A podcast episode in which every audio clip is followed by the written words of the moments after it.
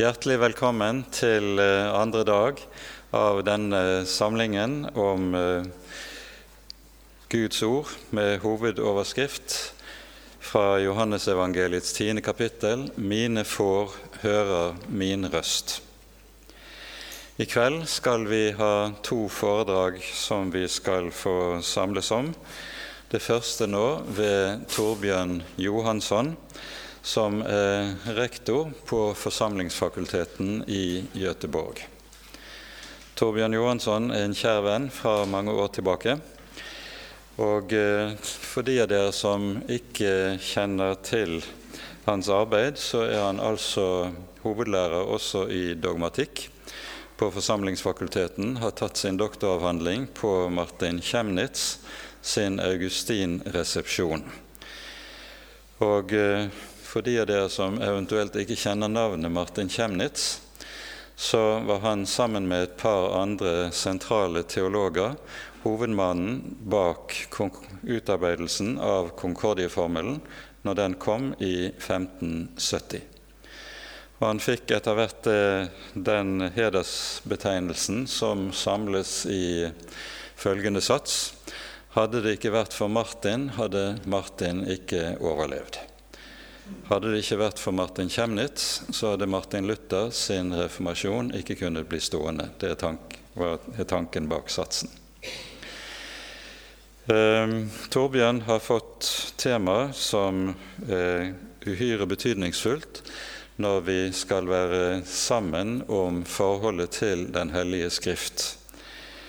Og Temaet som han har fått, er hentet fra Jesu ord i Matteusevangeliets 16. kapittel. Du har ikke sans for det som hører Gud til, bare for det som hører mennesker til. Disse Jesu ord er sagt i møte med Peters sitt anstøt mot korset. Og dermed er vi midt inne i tematikken det naturlige menneskets anstøt overfor Guds ord og det hellige. Før vi gir Torbjørn ordet, finner vi frem nummer 727 i salmeboken. Jesus frelser, vi er her, for din sannhets ord å høre. Nummer 727.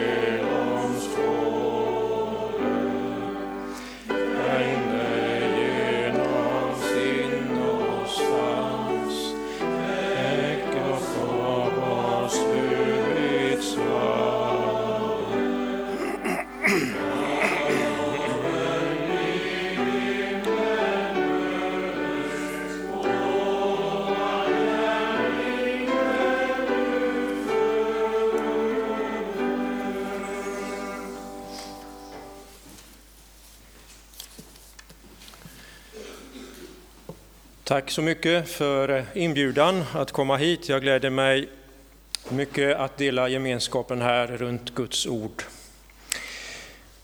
Innan vi börjar så låt oss alla be. Herre, tack att vi får vara samlade i ditt namn. Tack att vi får ha ditt ord rikligt ibland oss.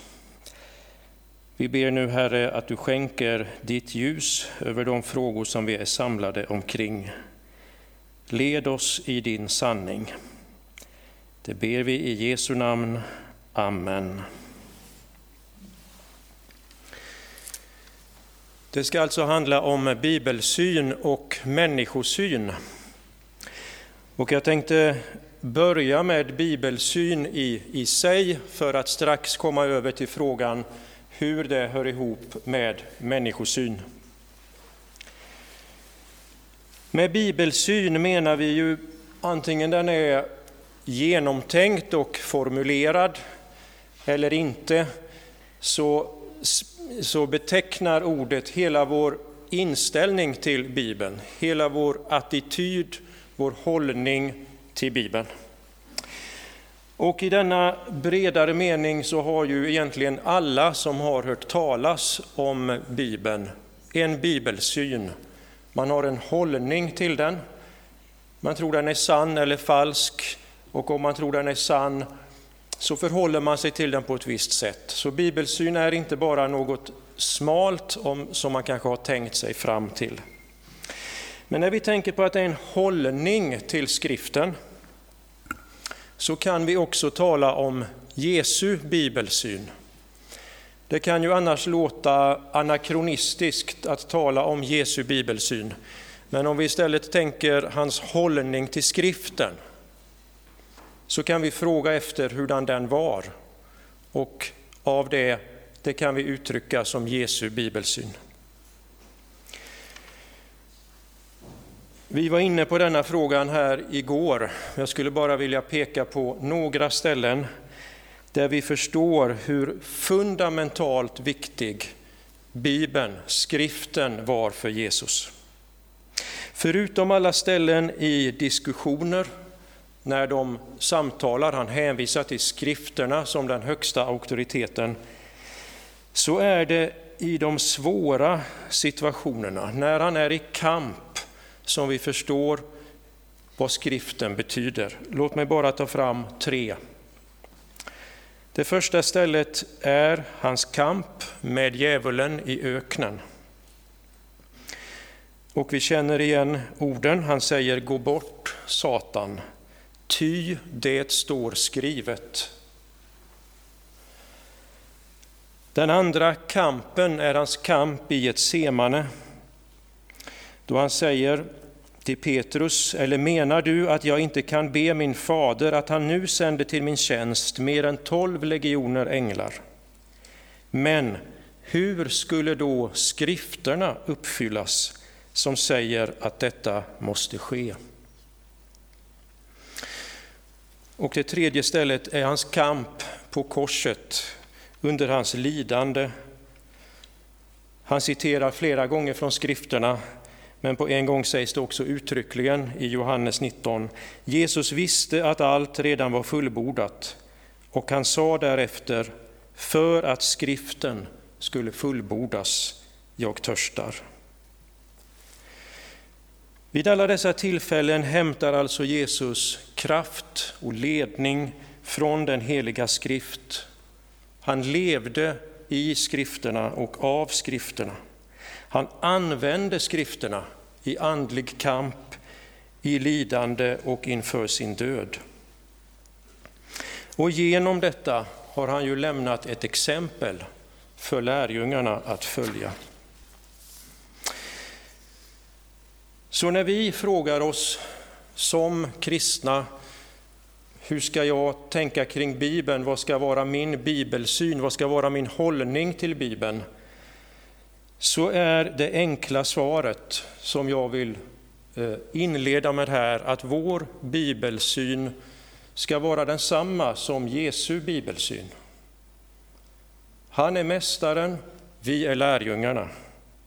Hans förhållningssätt till de heliga skrifterna ska vara hans lärjungars förhållningssätt till de heliga skrifterna. Så enkelt kan vi uttrycka det. Och så enkelt menar jag att det är. Och ändå är det få frågor som är så omdebatterade som vi vet i teologi och kyrka. Hur ska vi tänka kring Bibeln, kring den heliga skrift? Men med denna utgångspunkt så frågar vi hurdan var då Jesu bibelsyn om vi utvecklade mer hans hållning till skriften? Då är vi inte bara hänvisade till evangelierna för att få svar. Det är därifrån vi kan läsa det jag nyss läste. Utan om vi tänker på hans bibelsyn, hur han säger i Lukas 24 att hela gamla testamentet handlar om honom. Att det är han som har gjort saltaren till sin bönbok. Att det djupast sett är han som talar i saltaren. Så har vi också en viktig källa till Jesu förhållningssätt till skriften i saltaren. I saltaren möter vi en bedjare, ofta David. Men sen gör Jesus dessa ord till sina och sen får vi göra dem till våra. Och för att komma på rätt våglängd i reflektionen över skriften och vår hållning till den, så tänkte jag nu utgå från Saltaren och följa eh, psalm 19 som en struktur för det här, den här framställningen. Vi hade ju psalm 1 igår kväll och imorgon handlar det om psalm 119 och det är märkligt, men det är dessa tre psalmer som på ett särskilt sätt beskriver Herrens undervisning, Herrens Torah, dess egenskaper och effekter, nummer 1, 19 och 119. Många av er är väl förtrogna med psalm 19. Den eh, karaktäriseras av sin tvådelning, där det först handlar om Guds uppenbarelse i skapelseverket och därefter uppenbarelsen i hans ord, i hans undervisning, i hans lag. Men det jag skulle vilja disponera det här utifrån, det är tre saker i salmen som kan ge ljus över vårt tema om bibelsyn och människosyn. Och för det första, salmen börjar i det universella och slutar i det personliga. Alldeles i inledningen skriver David så här. Himlarna vittnar om Guds härlighet. Himlavalvet förkunnar hans händers verk. Himlavalvet, fästet, detta står för Guds stora mäktiga skapelseverk, ja så stort vi kan tänka det. Galaxer, det oändligt stora som vi kan se när vi blickar mot himlen. Allt detta säger nu David har ett budskap, vittnar, förkunnar. Tillvaron är inte stum och tyst, utan den kommunicerar till oss ett budskap, nämligen om Guds härlighet.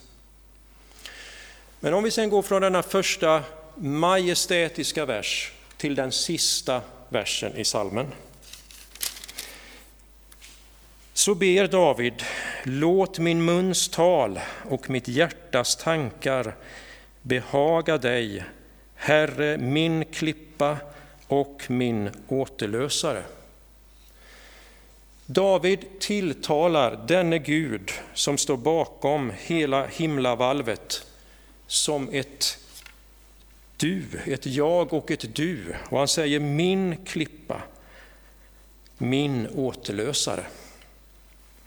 Och denna resa från vers 1, ja vers 2 i, i vår indelning, till vers 15 det är en fantastiskt lång resa från universums väldighet till det allra mest personliga och innerliga, ett jag och ett du i en personlig relation.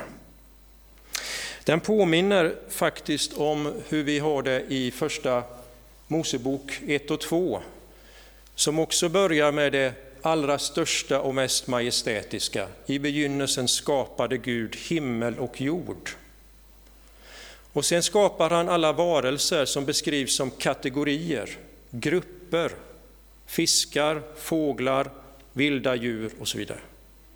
Men när han skapar människan så skapas hon inte som kategori eller grupp, utan som individ, som Adam och Eva, och sedan tilltalas de. Gud träder in i en personlig relation. Detta ska vi ta med när vi nu tänker på bibelsyn och människosyn. Därför att när vi talar om människosyn i teologi och i kyrka så går vi ofta in på frågan vad är, finns i människan? Hennes vilja, är den fri eller inte? Hennes förnuft, är det förmörkat eller inte? Och så vidare. Men här handlar det om människan i sin relation till något yttre. Och vi ska komma tillbaka till de här inre frågorna, men först det yttre. Vi ska inte göra misstaget att tänka oss människan som ensam, isolerad, autonom. Så att vi liksom lägger människan under en lupp och diskuterar vad kan vi säga om en människosyn. Utan det naturliga i Bibeln är att människan ska ses i relation till Gud. Så att vi ser Gud och människa tillsammans. Hur ska vi då beskriva denna relation? Jo, för det första genom att upprätthålla den mest grundläggande gränsen som vi har i Bibeln, den mellan skaparen och det skapade. Vi kan ju beskriva syndafallet så att människan försöker överskrida en gräns mellan det skapade och skaparen. Ormen säger ni ska bli som Gud.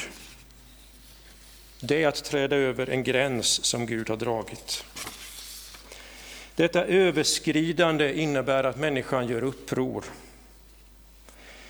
Vi läser om kungen i Babel i Jesaja kapitel 13, vers 13. Du sade i ditt hjärta, jag ska stiga upp till himlen, ovanför Guds stjärnor ska jag sätta min tron, jag ska göra mig lik den högste. Ja, så sägs det om kungen i Babel, men i det ligger något av syndens väsen, att sätta sig upp mot Gud, att göra sig lik honom. Men han får höra, nej, ned i dödsriket blev du förd. Så vi ska ha denna gräns klar mellan skapare och det skapade, men sedan också hålla samman skaparen och det skapade.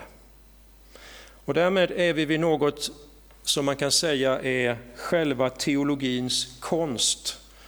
Att å ena sidan åtskilja och sedan hålla samman det som har åtskilts. Så gör Gud i skapelsen. Han skiljer ljus från mörker, men sedan hålls de samman i dygnets rytm. Han skiljer man och kvinna, de är olika, men sedan fogas de samman i äktenskapet. Och i teologin så har vi mängder av exempel på detta, att åtskilja och sedan hålla samman. Lag och evangelium ska skiljas åt och hållas samman. Rättfärdiggörelse och helgelse skiljas och hållas samman och så vidare. Så människan ska vi tänka samman med Gud, vad hon är kallad till och vilket också är möjligt genom Sonens försoningsverk.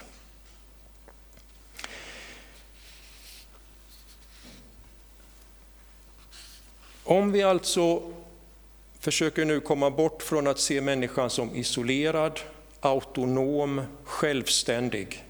Så skulle jag vilja ett ögonblick lyfta det här från individnivå till kulturnivå eller samhällsnivå.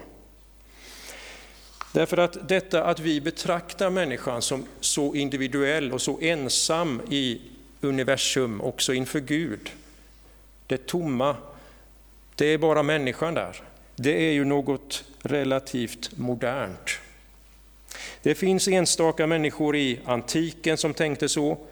Det kommer under renässanshumanismen, men det är under upplysningen på 1700-talet som det här i Europa blir en sån stor rörelse i, i tankevärlden att den har omformat egentligen hela vårt sätt att uppfatta världen och oss själva. Det som hände på 1700-talet med upplysningen är att människan sätts i centrum, hennes förnuft, symbolen för upplysningen är den stigande solen som liksom sprider sina strålar.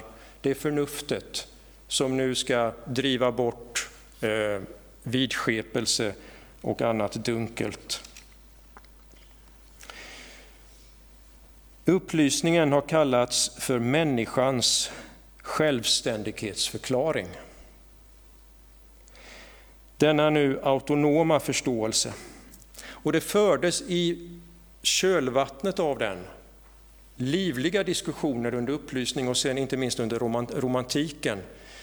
Vari består då det fullkomliga mänskliga livet? Hur kan hon utveckla sin fulla potential?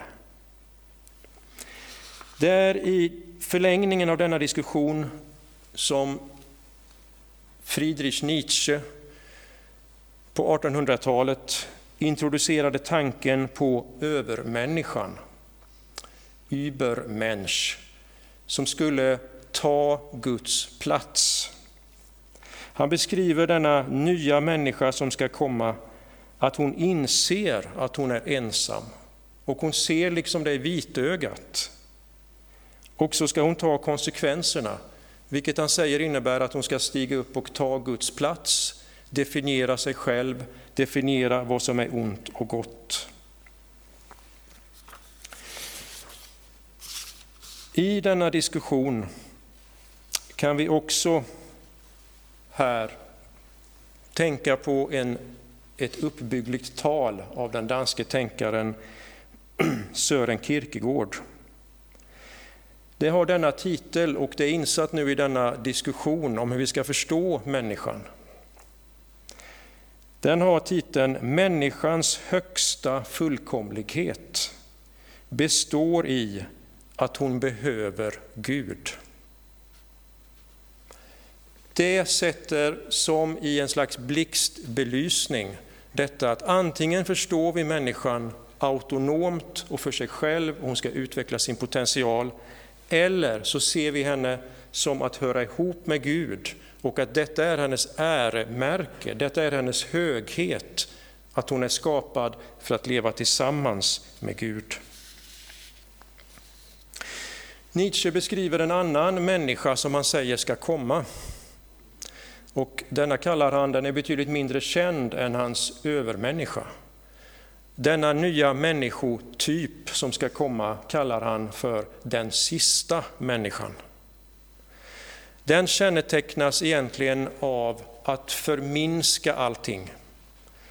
Allting ska vara behagligt, inte för mycket, inte för lite, inte för varmt, inte för kallt. Han beskriver henne som apatisk, som hon sitter och blinkar eh, och, och låter bara livet gå. Men bara det inte blir för varmt eller för kallt, eller för mycket eller för lite. Denna apatiska inställning, det är en slags, det som har kommit på senare år, som ibland kallas för app-atheism. Jag vet inte om den termen används här, det har inte att göra med en app i vår telefon, utan det har att göra med apatisk ateism. Det finns en ny ateism som inte är aggressiv som, som den har varit, utan den, är bara, den bryr sig bara inte. De här frågorna om Gud, om evighet, om mening. Man rycker på axlarna och blinkar, som Nietzsche skulle ha sagt. Apatheism. Det såg han redan då komma. Vad kännetecknar nu denna nya epok med upplysningen? När vi kommer till vetenskap och därmed till teologi så har en kanadensisk filosof som heter Charles Taylor föreslagit en beskrivning som har fått stort genomslag. Han säger att det som kännetecknar modernismen som kommer här av upplysningen, det är att allting man ser och upplever relateras till vad han kallar för the immanent frame, den immanenta ramen, det immanenta ramverket. Och med immanent menas här det jag kan se och registrera och förhålla mig till med mina sinnen. Det är det immanenta. Det som går utöver det, Gud till exempel, det är det transcendenta. Och då beskriver Taylor detta så att även under medeltiden och under reformationen räknade man med immanens, det som har med förnuft och sinnen att göra, och transcendens. Men det som händer med upplysningen är att det transcendenta först skjuts i bakgrunden och vi har det vi kallar deism. Gud är som en slags urmakare som har dragit sig tillbaka för att sedan också helt förnekas. Och kvar finns bara det immanenta ramverket. Och allting i vetenskap ska relateras till det immanenta. Det kunde man göra även under medeltiden, men det som har hänt nu är att man säger att det finns inget utöver det. Och då blir frågan, om vi ska förklara allting, vad sinnen kan iaktta som orsak-verkan, och detta slår igenom på universitet, och teologierna är på universiteten, så står vi inför en teologi som inte längre kan göra rättvisa åt anspråken som finns i Bibeln. Till exempel är det enligt detta sätt att tänka omöjligt med en äkta profetia som säger någonting långt in i framtiden, inte bara en prognos, utan till exempel när Jesaja talar om en perserkung som ska komma och säger vad han ska heta. Då är det omöjligt att förklara utifrån the immanent frame. Men om du är bunden av den så måste du förklara det på andra sätt och så kommer teorier om Jesajas olika eh, epoker, att det finns olika författare i boken. Det är ett väldigt tydligt exempel på hur en människosyn, både individuellt men också att man är en del i mänskligheten som nu i västerlandet, i moderniteten, forskar på Bibeln. Hur en människosyn påverkar en bibelsyn.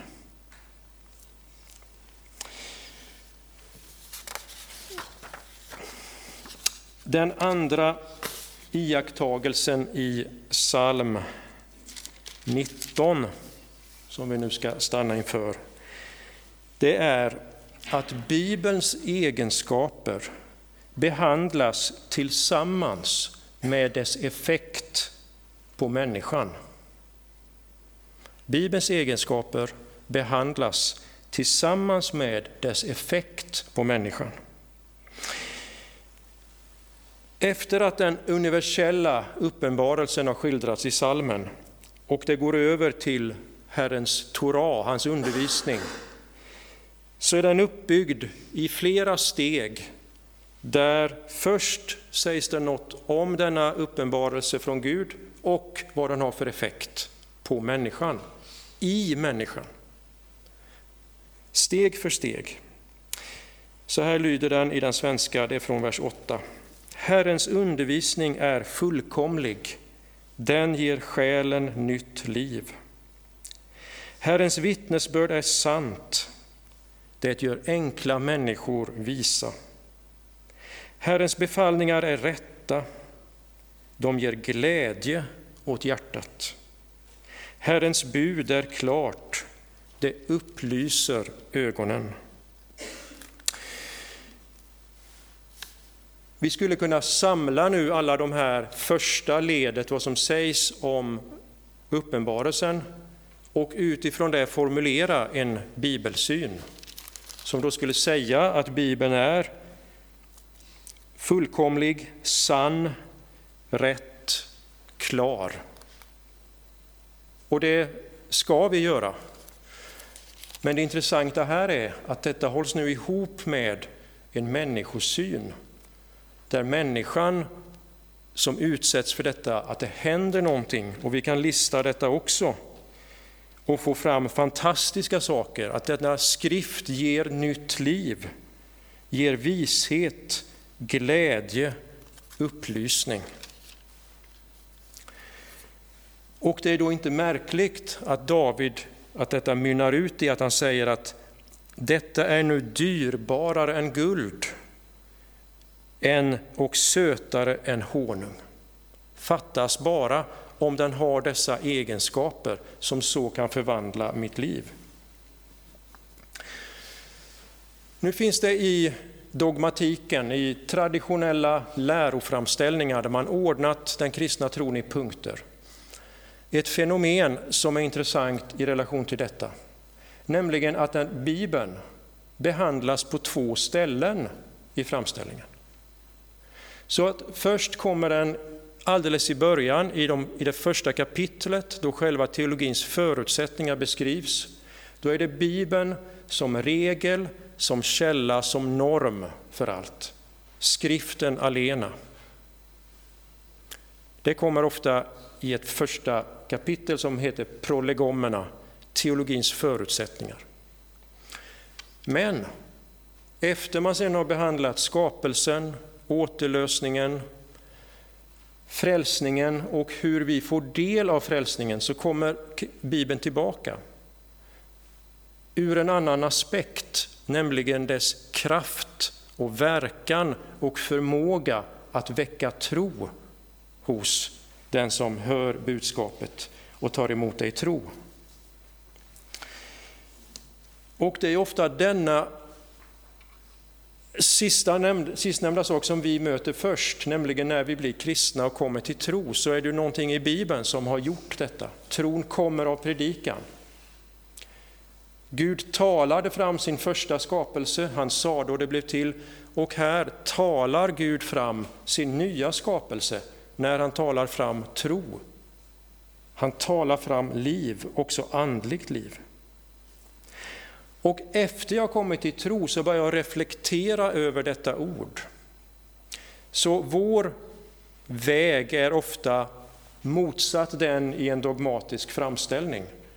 Att vi först har upplevt något av ordets kraft och börjat reflektera över Bibeln och funderar på den som norm och källa till sanning. Och i detta finns en god ordning. Återigen att man kan skilja de här aspekterna, men de ska också hållas samman.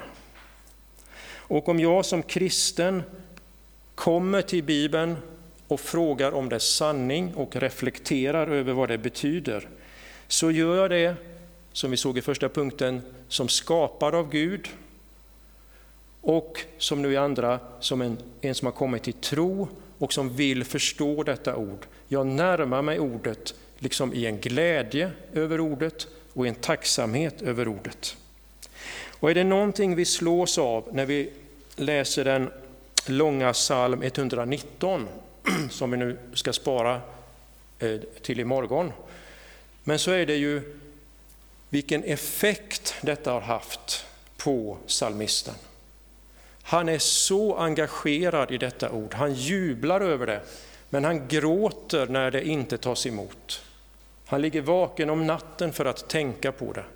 Så vi kan närma oss hela frågan om bibelsyn utifrån denna människosyn, vilken effekt det haft på en som kommit till tro. Att en kristen är glad, att Guds församling är glad över Guds ord är liksom själva utgångspunkten. Och då frågar man som en lärjunge om dess sanning.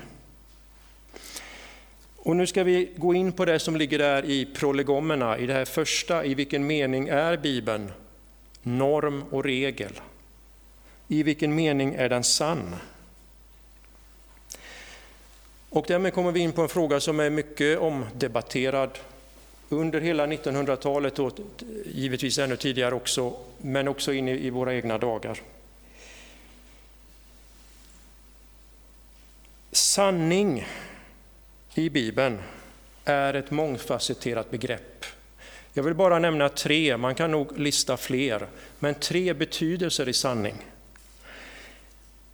I den allra djupaste betydelsen så är sanning en person.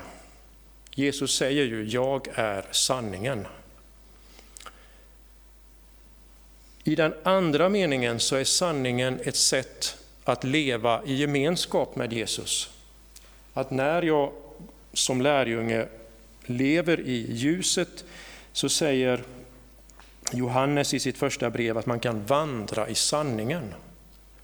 Det är att leva enligt Jesu bud, enligt hans väg.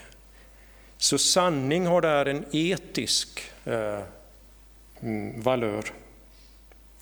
Och för det tredje så kan sanning ha vår vardagliga betydelse, nämligen att det som sägs överensstämmer med yttre fakta. Det är bakgrunden till hela eh, lagstiftningen kring vittnesbörd som vi har i Moseböckerna, två eller tre vittnen. Det som är sagt, det som påstås, måste stämma med yttre fakta. Det är vår vardagliga betydelse. Vi kan också tänka här hur det framställs i Bibeln, till exempel Titus kapitel 1, att Gud kan inte ljuga. Åttonde budet om det falska vittnesbördet är också en del av sanningsbegreppet i Bibeln. Så sanning är mångfacetterat, men det jag vill stryka under här är att ingenstans ställs de här mot varandra eller spelas ut mot varandra. Utan Bibeln säger helt enkelt att dess, eh, dess anspråk är helt enkelt att vara sant. Psalm 93. Dina vittnesbörd är sanna allt igenom, utan reservationer. Och utifrån vad jag nämnde förut så menar jag för min del att detta bör också vara den kristna församlingens vittnesbörd. Bibeln är sann utan några inskränkningar och utan några reservationer. Den är sann i allt den uttalar sig om. Nu har man i debatten om bibelsyn ofta velat begränsa Bibelns sanning till liksom vissa sfärer eller delar av verkligheten. Och man kan räkna med fyra sådana här kategorier av utsagor då som man vill dela in det i. Till exempel att den inte skulle vara sann inom det vi kallar naturvetenskap.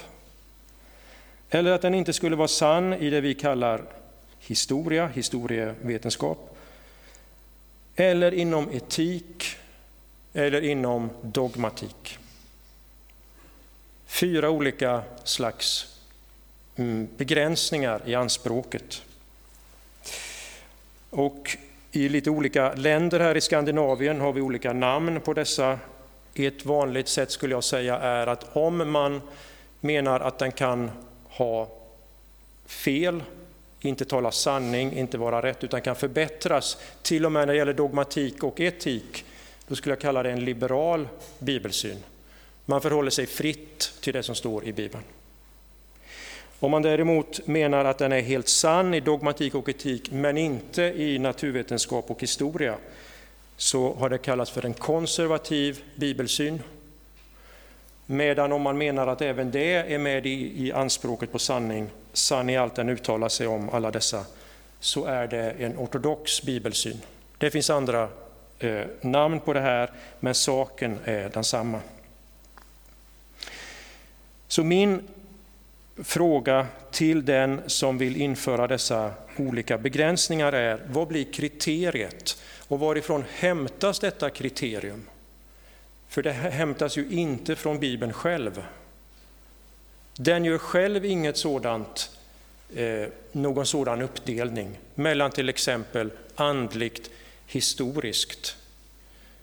Utan den talar om båda två och säger att båda är sanna. Och om vi tänker djupare på saken så är detta ett, ett väldigt viktigt drag i Bibeln, att det andliga är så förenat med det historiska. Att de är det mest andliga, när Jesus dör på korset och försonar hela världens synd, är samtidigt det mest historiska. Det går att eh, fästa i tid och rum.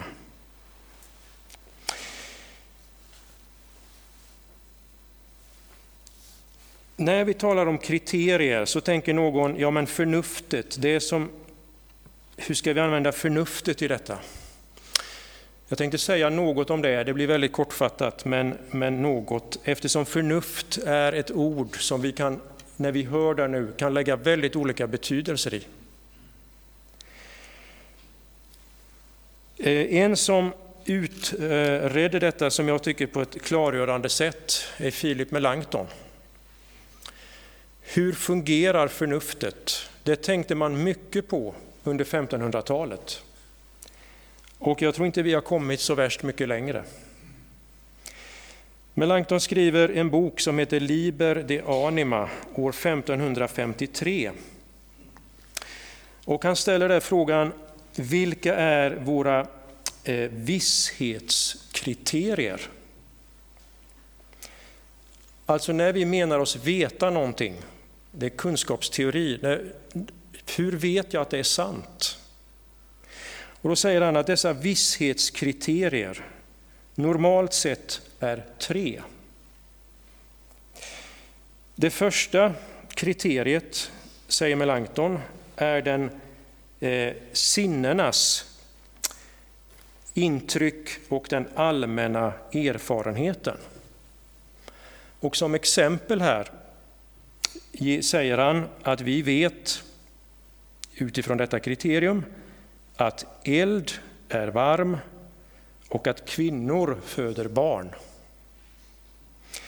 Och så säger han att den som inte erkänner denna allmänna erfarenhet förklarar krig mot Gud själv. Det andra kriteriet kallar Melanchthon för det axiomatiska. Ett axiom är något som inte går att bevisa, vi bara vet att det är sant. Han tar till exempel matematiska tal, att 2 plus 2 är 4. Det vet vi. Och att helheten är större än delen. Det vet vi, det är en fast och viss kunskap. Det tredje kriteriet, säger han, är slutsatser som man kan dra, syllogismer, att om man vet olika saker och av dessa drar nya slutsatser så kan det också betraktas som fast och viss kunskap. Och man hade ju stora utredningar om hur man på rätt sätt eh, drar dessa slutsatser. Till dessa, säger nu Melanchthon, finns det ytterligare ett kriterium. Och det är att vi i kyrkan har fått Guds ord i en uppenbarelse. De tre första kallar han för människans naturliga ljus. Men detta är nu som går utöver det naturliga ljuset. Alltså Guds ord säger sådant som vår vanliga erfarenhet, vårt vanliga förnuft inte kan egentligen bekräfta. Till exempel att döda kan uppstå, som när Jesus uppväckte Lazarus, eller som ska ske på yttersta dagen. Utan detta, säger Melanchthon, tror vi helt enkelt för att Gud har sagt det och vi då litar på Gud. Och här ska vi försöka nyansera det här hur vi ska använda vårt förnuft. Att det är detta naturliga förnuft som egentligen är immanent och autonomt när det försöker uttala sig om andliga ting, vad Gud kan göra och inte kan göra, hur Gud är, hur han borde vara, det är då reformatorerna kan säga väldigt kritiska saker om förnuftet. Men förnuftet i meningen det som relaterar till Guds ord, det är en stor gåva av Gud när det inte förhåller sig autonomt och stängt. Och egentligen är ju det det förnuftiga, att om det finns en allsmäktig Gud som har skapat himmel och jord och han har sagt någonting, att döda kan uppstå, att ett folk gick genom Röda havet, så är det förnuftiga att tro vad han har sagt. Inte för att det stämmer med allmän erfarenhet, för det gör det inte, utan för att han har sagt det. Och därmed så kan man få tro. Och reformatorerna uttryckte detta så att det ofta är över förnuftet, men det är också det som är mot förnuftet, nämligen mot vår vanliga, vårt vanliga sätt att tänka, det som bygger på erfarenhet eller axiom.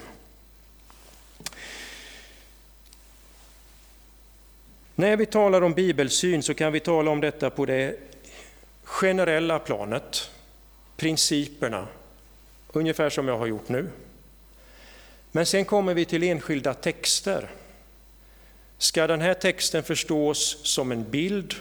Är det här poesi? Är det här menat historiskt? Det ligger inte på det generella planet, utan det är exegetiska problem. Där, om man tror att ordet är sant, vi ska ta genren på allra största allvar. Jobb säger att må den dag utplånas då jag blev född. Det är en bild. Inte att ett visst en dag ska utplånas, utan han önskar att han inte blev född. Det är en bild. Och den bokstavliga betydelsen av det här, det är den bildliga. Och så måste vi noggrant i bibelläsningen hela tiden fråga, vilken är genren? Vad gör texten för anspråk? Eh, vad ska vi tro om den? Vi går vidare till den tredje och sista punkten i salmen. Och den lyder så.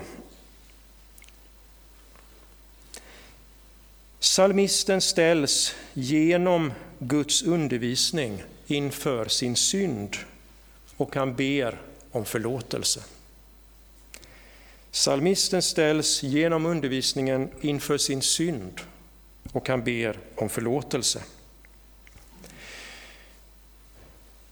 Det är ju intressant den här övergången som kommer, ganska oväntat i salmen, att efter att han har beskrivit de här fantastiska egenskaperna och effekterna, han har sagt att Guds ord nu är dyrba, dyr, dyrare än guld, sötare än honung, och hur han genom detta får stor lön, han blir varnad och så vidare. Och så kommer det, han börjar tala om synd och om missgärning. Vem märker själv hur ofta han felar? Förlåt mig mina hemliga brister.